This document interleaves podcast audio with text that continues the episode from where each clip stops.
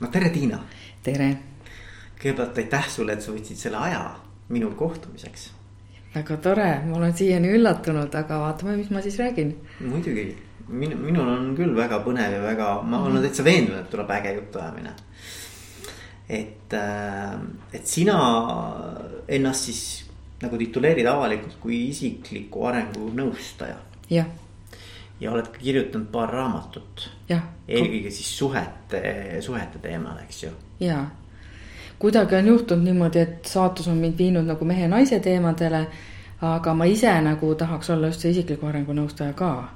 et noh, vist nagu life coach'i selline eestikeelne variant, ma ütleks mm. -hmm aga need äh, raamatud ja see teema, see suhte teema, kuidas sa sinna jõudsid nagu, et esimene raamat oli sul vist Õnnelik suhe. just ja teine oli armastuse. varjatud saladused, armastus, no et olla natuke maagilisem või müstilisem, et torkaks riiuli pealt silma. tegelikult minu meelest seal väga suuri saladusi ei ole. aga see teema on hästi põnev ja noh, sa tead, eks ole, me siin alguses rääkisime ka, et podcast on eelkõige nagu juhtimisteemaline mm. -hmm. Ja siis ma püüdsin sulle seda teemat kuidagimoodi nagu selle nurga alt nagu mm -hmm. peegeldada, et, et tegelikult ju vaata juhtimine ei olegi midagi muud kui inimsuhetega töö tegelikult noh, see on nagu ütleme, sihukene nagu noh, minu nägemus, eks ju, et, et, et, et paljuski suures osas on juhtimine inimeste juhtimine. ja, ja noh, seal minu arvates on väga oluline, et need teadmised, need, need arusaamad, see tunnetus ja kõik see oleks nagu suhete osas nagu paigas, on ju. ja minu arust on palju õppida nendelt inimestelt, kes igapäevaselt tegelevad suhete kvaliteediga ja inimsuhetega et mida siis nagu juhtidel oleks sellest valdkonnast nagu õppida, seepärast mulle väga meeldis see mõte, et kuidagi tuua sind mhm. sellesse mm, -hmm. sellesse maailma ka no vaata, ma juhtimisest tõesti midagi ei tea, aga kui sa praegu rääkisid, siis ma jõudsin sellise mõtteni, et. Et kui mina vaatan suhteid, siis seal, miks, kui suhted ei toimi, siis seal on sellist kaks nagu suurt sellist probleemide gruppi on võimuvõitlus ja halb kommunikatsioon ja nüüd, kui noh, selle võib äkki üle kanda juhtimisse ka, et on võimuvõitlus ja halb kommunikatsioon. ja kui ma vaatan nagu jälle ajaloost või nagu kuidas inimkond on oma võimuasju ajanud, siis noh, inimesi on omatud, eks ole, nüüd meil, me ei ole ka noh, tegelikult ju töös, töökohtades ju nii vabad olnud kui kunagi varem mm. -hmm. inimõigused tekkisid alles peale teist maailmasõda. peale esimest maailmasõda olid veel osad inimesed teiste omandid et äh, see ei löönud veel nagu neid ala, alustalasid nagu ei raputanud piisavalt et need teenrid ju läksid äh, sõtta, sõdisid, tulid tagasi endis, endiselt teenritena. Äh, võideldes kodumaa eest, noh, seal vanas Euroopas mm. ja teine maailmasõda siis äh, raputas neid alustalasid niimoodi, et, et kõik olid võrdsed. ja, ja ja nüüd see võrdsus kestab ja, ja kui ma vaatan praegu, noh, ma ei tea täpselt, mis need liikum- või noh, suundumused seal juhtimises on, aga. aga ma arvan, see autoritaarsus ikkagi on üks esimene või see võimu kuritarvitamine on üks selline asi, mis ikka on küll eilne päev ja suhetes nagu samamoodi, et kui kogu aeg räägitakse, et vot see maailm on uus ja kõik muutub nii meeletult. ja kõik on uus maailm ja ma ei tea, uued universumid ja kõik jumalannad ja mis siin kõik on, eks ole. siis see kõige suurem muutus minu meelest ongi see, et, et arusaam vägivallast. ja sellest tohib rääkida, see ei ole enam normaalne ja kindlasti on see vot siis nagu juhtimises ka ikka, kui vanasti veeti ikka mõisa ja peksti ja visati soolasilguvett peale veel, siis tänapäeval ei tohi alluvale ikkagi ka enam halvasti isegi öelda. ja jumal, ja kui tore. see on väga huvitav teema, selles mõttes, et vaata sellise pilgu läbi ei olegi nagu keegi avanud seda. no ma praegu mõtlesin ka mm -hmm. praegu niimoodi selle peale. sest et uh, -huh. et ütleme, et mina olen teinud, eks ole, hunniku erinevaid vestlusi äh, ja, ja see suhete teema on ühel või teisel moel alati nagu noh, üles kerkinud. kas see teema on äkki see, et inimest on tegelikult üpris raske motiveerida? et tänapäeval enam mm -hmm. käskida ei saa, nagu ka suhtes oli vanasti niimoodi, et kuni surmani te olete siin abiellunud, sa pead igal juhul seksima, sa pead igal juhul sünnitama. nii on alati tehtud ja, ja noh, siis nagu töös oli samamoodi, eks ole, lihtsalt sa, sa pead seda tegema, sest ma ütlen. aga tänapäeval tuleb ju noh, inimest motiveerida ta lihtsalt ütleb, ma lähen ära, ma tahan suuremat palka, ma ei tee enam lihtsalt toidu eest tööd. Ja, nagu vanasti. ja, ja, ja hästi palju on ka tänapäeval minu arvates, mis teeb keeruliseks selle juhtimise sellisel käskival moel. on see, et loovus, eks ju. et kõikvõimalikud igasugused nagu loovad tööd seal ei ole võimalik tegelikult mingisuguse sellise piitsa või präänikuga nagu tulemust saavutada. et tegelikkuses, kui sa hakkad mõtlema, siis loovtöö eeldab seda, et inimeses on mingisugune energia, mis vabaneb, eks ju. või mingisugune selline nii-öelda loov energia, mida sa pead nagu sellise õhkkonna ja keskkonnaga pigem soodustama.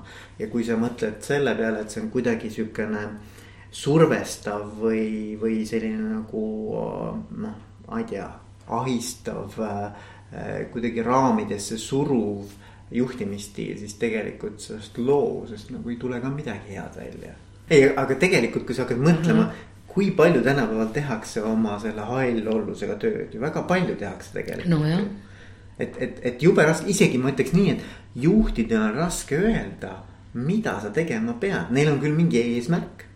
mingi visioon, kuhu peaks välja jõudma, aga nad ei oska sulle ka öelda, et kuidas sa sinna jõuad.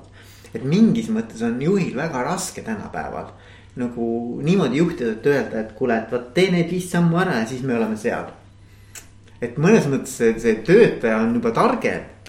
ja sul on täitsa õigus, ega kui, kui ütleme niimoodi, et minu see pole võib-olla õige koht rääkida, aga mu mees on IT-alal ja kui ma vaatan, kuidas nemad seal tööd teevad. minu meelest on see nagu selline tarkade klubi või yeah.. et seal nagu mingit, et keegi on kellegi ülemus või midagi käsib, et ma sellist asja nagu üldse ei tunne.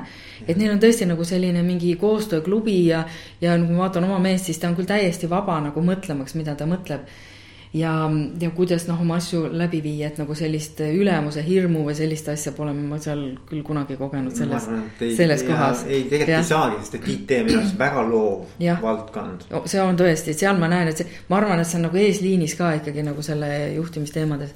Et ma nagu kodus nagu seda teemat tunnetan ja seal nagu mingit sellist kurja ülemust küll kunagi näha ega kuulda ei ole. aga võib-olla veel ütleme, sihukene võib-olla viisteist aastat tagasi veel oli samal alal ikkagi mm., kui ta oli ka siis olid ikkagi veel ülemused ka, kellele tuli nagu aru anda. nojah, siin on veel see, ütleme see keeleline aspekt ka mm, -hmm. eks ju, alluvus ja ülemus mm -hmm. ja mhm. kõik see. Need hakkavad ka juba kõik väga segaseks minema, eks ju. et meil on siin tiim, eks ju. ja noh, et, et äh, juba on iseküsimus, et kas noh, siin räägitakse juba juhtideta organisatsioonist, eks mm -hmm. ole et kuidas see on siis nagu võimalik, et tegelikult meil nagu ei olegi formaalset juhti, eks ju noh, mingid kõik siuksed teemad hakkavad tekkima ka, et. aga, aga võtaks korra, prooviks nagu mõelda niimoodi, et, et sina oma töös, eks ole, inimestega, oma klientidega, et, et, ähm, et kuidas need teemad võiksid nagu siis anda mingisugust äh, väärtust või mingisugust sellist nagu Eh, infot, mis võiks olla juhtimises ka oluline, et noh, et, et, et kui mõelda, et kuidas nagu inimeste sellised suhteteemad, millega sa paratamatult enamasti tegeled, eks ju. võiksid olla mingil moel nagu ka informatiivsed siis nagu äh, sellises töökeskkonnas nagu juhtimisvaldkonnas, mis, mis, kus, kus sa nagu paralleele nagu näeksid mm,? kui me räägime näiteks aususest, aus olla äh, ei ole väga kerge ja seda sellel põhjusel, et me ei tea, mida me tahame. nii kui me teame, mida me tahame, siis on see väga lihtne. Yeah.. ja kõigepealt on vaja üles leida, mida me tahame. ja siis, kui öeldakse, et vot hakka nüüd ausaks, siis arvatakse, et küll nüüd hakatakse koledusi näkku ütlema. Kui inimesed hakkaksid ausaks, siis nad hakkaks kõigepealt neid ilusaid asju ütlema näkku, need on kõik ütlemata. Mm.. ja, ja noh, võib-olla siis töö juures ka, ma ei tea, et seesama kiitus, et, et see, et tegelikult lihtsalt see, et sa oled lihtsalt olemas et nüüd, kui keegi, ma ei tea, jääb haigeks või sureb ära, siis saadakse küll aru, et ah, ups, et meil tegelikult. noh, öeldakse küll kogu aeg, et inimene on see kõige suurem väärtus. aga ma kahtlustan, et need firmad, kes seda niimoodi välja ütlevad, tegelikult ei arva nii. ja need, kes sellest kunagi ei räägi, nagu vot needsamad IT-firmad, et noh, nemad tegelikult teavad, et iga inimene on kulda väärt. et lihtsalt see, et sa oled olemas, ongi kõige suurem väärtus mm. see, mis me nüüd edasi teeme, see on tegelikult juba nagu selline tehnilised üksikasjad aga see, et inimene on olemas ja seda väärtust võib-olla endiselt ikkagi saada aru.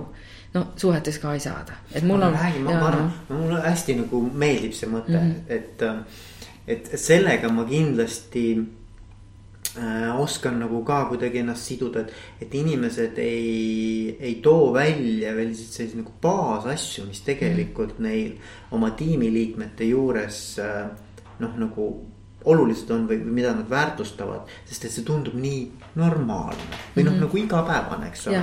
mida ma seda ütlen, eks ole, see on iseenesestmõistetav mm. -hmm. aga et, et juba see nagu sina ütled, noh, et mis on hästi sihuke nagu eksistentsiaalne, minu arust nagu ülibaasiline asi, et, et see, et sa üleüldse olemas oled mm, -hmm. on midagi, mida ma võiksin juba väärtustada või et, et me üldse oleme elus nagu kokku saanud või et me oleme ühes tiimis või et mm -hmm. mul on võimalik sinuga ma ei tea, igapäevaselt mingeid ägedaid asju teha. et äh, nii kihvt, kui sa seda nagu ütled praegu, et, et noh, et ma mõtlen, et kuidas seda teadmist. siis sinna juhtimisse juurde nagu äh, juurde anda. see on vist kõige tähtsam asi üldse ja see on sügav austus teise inimese vastu, elementaarne viisakus ja see on nüüd ju väga selline oluline koht, et kui ma tihtipeale loengutes ütlengi inimestele, et te peate nüüd või oleks vaja, et te toote oma suhtesse tagasi elementaarse viisakuse ja see on nüüd väga selline vimkaga asi, sellepärast et väga paljudes Eesti peredes ei ole kunagi seda elementaarset viisakust olnud. kui paljud on kuulnud oma vanemate ja vanavanematele ütlemas tere, aitäh, nägemist, kuidas sul läheb, oi kui tore on sind näha. ainult juubelite ajal on, eks ole, mingisugune klomp kurgus, kui siiski sõna saab suust mm. -hmm. ja see sügav austus, vot see on see, mis teeb selle, et suhe kestab kaua igavesti. aga kas see ei ole samamoodi ükskõik mis suhtega? tõenäoliselt jaa. sõber äh, ma ei tea, tiimikaaslane mm. -hmm. äh, nagu need inimesed, kes kuulavad, eks ju.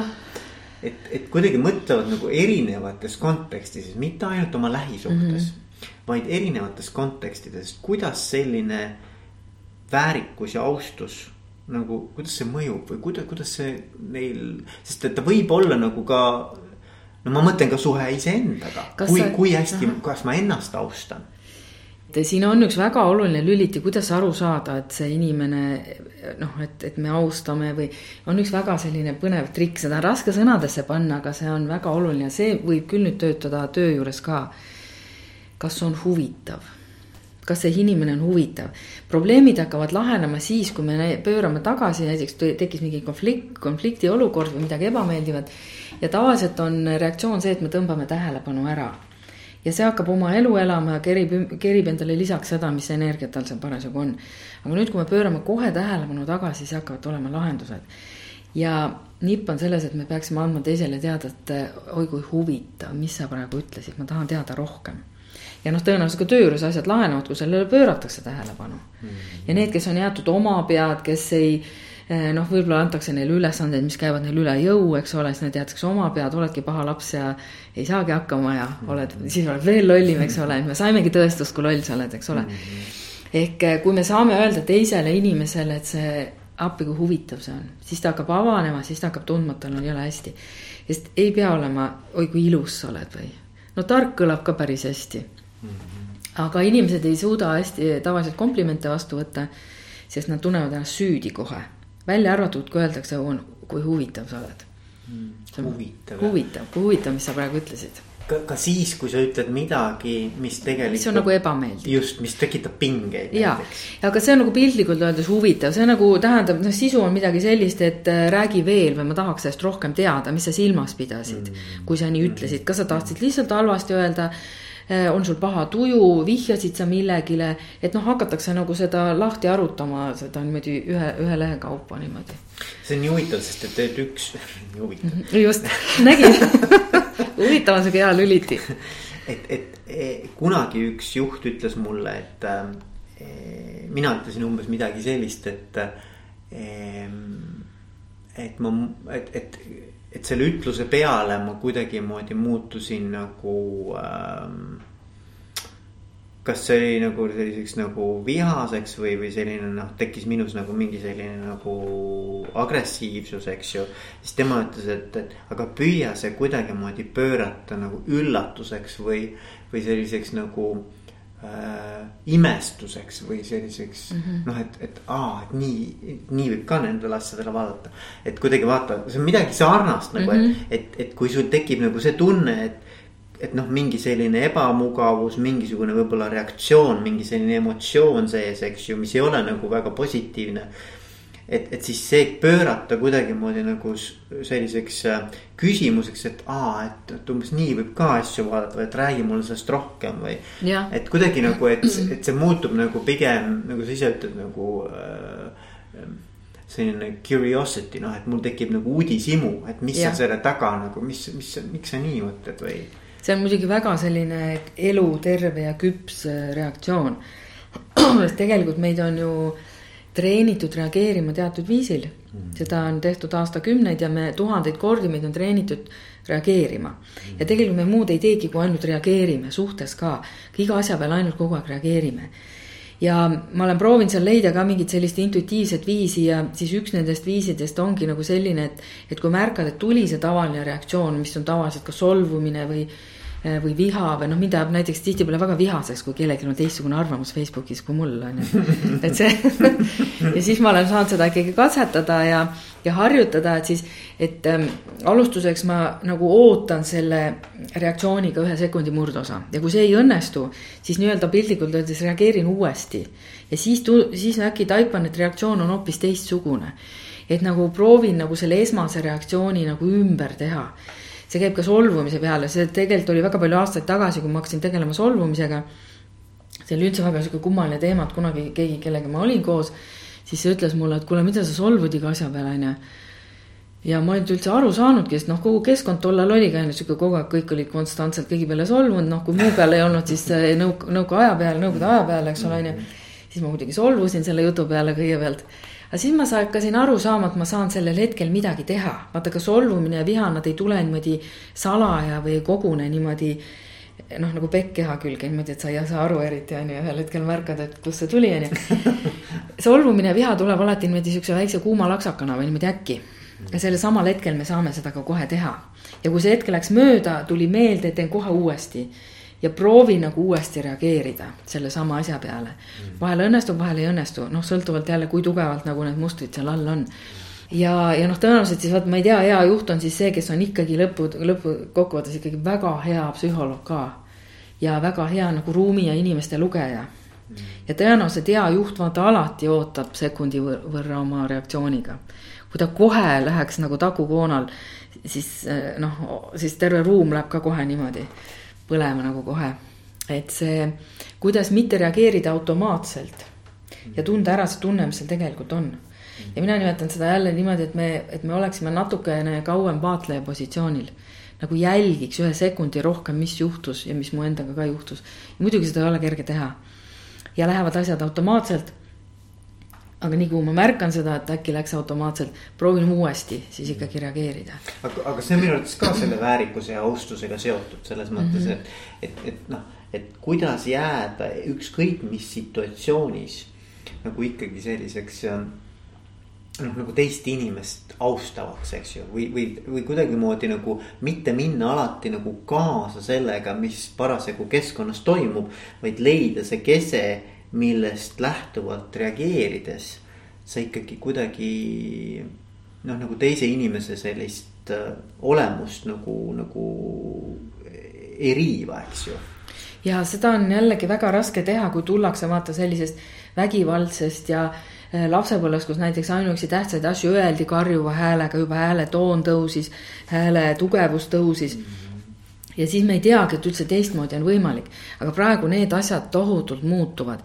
kui sa vaatad praegu, kuidas noored suhtlevad omavahel, noh, praegu ma võin su kohe öelda, et sul on no, hoopis teistsugune lastetuba, kui tavalistel inimestel on juba olnud ja, ja, või kui sa ütled, et oh, mul oli ikkagi väga raske, siis sa oled juba elu jooksul väga palju elukogemusi saanud mm.. ja meil on võimalik muuta neid mustreid elu, et seda me tegelikult tulemegi siia teeme, tegema. aga praegu noortel ma vaatan, kuidas nemad suhtlevad, nad nagu ma ei, nagu ma ei tea, mis planeedilt nad tulnud on, sest nad on juba palju tasakaalukamad. Mm aga ka see põlvkond, kes neid juba sünnitas, kasvatas, neid juba pekstakse vähem, neid juba tudistatakse vähem. Nende peale juba karjutakse vähem, neil on juba rohkem valikuid, nad ei pea pekitükke sööma, kui nad ei taha. Nad ei pea mingeid limaseid kisselle alla neelama, keda, no need on need traumad, mis on. keelusibulat näiteks või midagi. mida iganes sa ei taha, eks ole, on ju, et see, need on selle põlvkonna need väljakutsed, eks ole, põlvkond paar tagasi. Neil olid veel omad väljakutsed, eks ole, nende isasid, vanaisasid veel peksti mõisas niimoodi, et seljad verised ja, ja ja kui meil nagu minnakse meie kehade vastu, olgu siis isegi vägisi kõdistamine, näiteks vägivald või sunnitakse sööma, siis sellega tegelikult võetakse meie kontroll elu üle ära. ja pärast siis, eks ole, ole suhtes hästi vaba, vali oma eneseteostust, muidugi ei suudeta seda teha. nii et see on nagu selline eh, teema, mis nagu areneb eh, kõik meie koos eh, tohutult niimoodi aeglaselt, aga järjepidevalt, nii et ma, mina näen nagu väga palju märke, kuidas see, kuhu poole ühiskond suundub, on nagu lihtsalt nagu nii pööraselt äge. -hmm. et ma nagu vahest lihtsalt sõidan mööda Eestimaad ja lihtsalt nutan õnnest, kui millised muutused on praegu juba toimunud mm. ma mõtlen, et võib-olla, võib-olla sellise nagu kokkuvõtva nagu sellise küsimusena, et, et mis võiks olla see, mis siit nagu kõrva taha panna. nagu, et mis sellest nagu vestlusest võiks jääda nagu kõlama mida sina tahaksid, et, et, et võiks jääda kõlama juhtide jaoks? nüüd see, mis ma ütlen, on küll väga naiivne, aga see on nagu selline abstraktne, ütleme niimoodi, et see, seda ei pea keegi, keegi sõna-sõnalt ütlema, võtma, eks ole, et see on nagu selline abstraktne. et me nagu hinge tasandil oleme tehtud niimoodi, et me oleme kõik inimkonna liikmed ja me kõik armastame üksteist ja me kõik austame üksteist. kõik, mis sellest erineb, on tegelikult õpitud aga nüüd ma pean natukene seda selgitama, et mis tähendab, kõik armastavad üksteist, on ju. nagu mis see siis, see, kõlab õudselt roosamanna, aga armastus oma olemuselt ei ole mitte midagi muud kui neutraalne tähelepanu, kõik on meie tähelepanu jahil. Ükskõik, kui sa lähed arsti juurde, olgu see suhe, partner, kõige valusam valu, mis üldse elu jooksul võib tunda, on see, et sa jääd oma vanema tähelepanust ilma tühja see nälg, tühja need koledad riided või tühja see sõjaaeg, aga kui sa, sind hüljatakse või sa jääd vanema tähelepanust ilma, siis on see elu hinnaga tegelikult. partnerite puhul ka. nii et kõik on kõikide tähelepanu jahil mm.. ja nüüd, kui rääkida sellest abstraktsest osast veel, siis see tähelepanu ongi meie armastus ehk loomise tööriist ja see on lõputu, see ei saa mitte kunagi otsa seda tähelepanu ei saa kunagi otsa.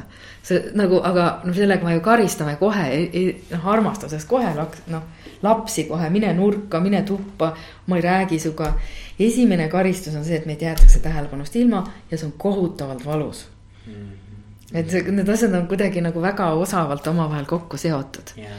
Ja kui sa niimoodi ütled, siis ma mm -hmm. mõtlengi, et noh, et, et mis see austus on, austus on on, on ühelt poolt siis see, et ma ikkagi pööran, näe, ma näen sind.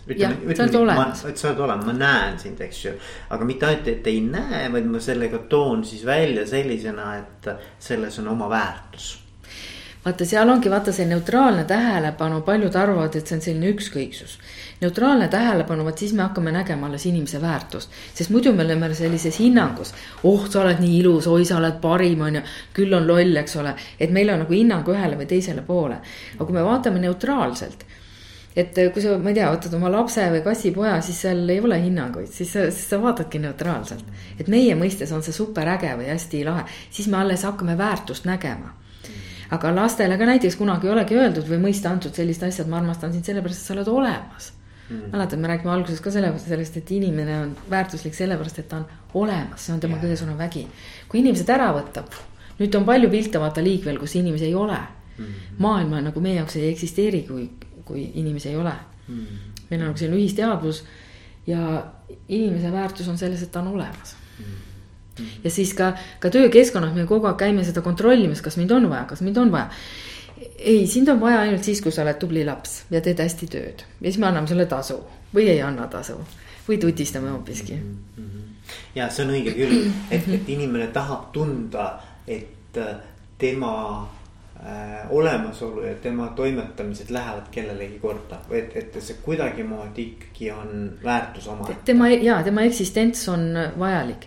oled sa isegi haige, surnud, kaelast saadik halvatud, aga su olemasolu oli ja. olemas, tähtis.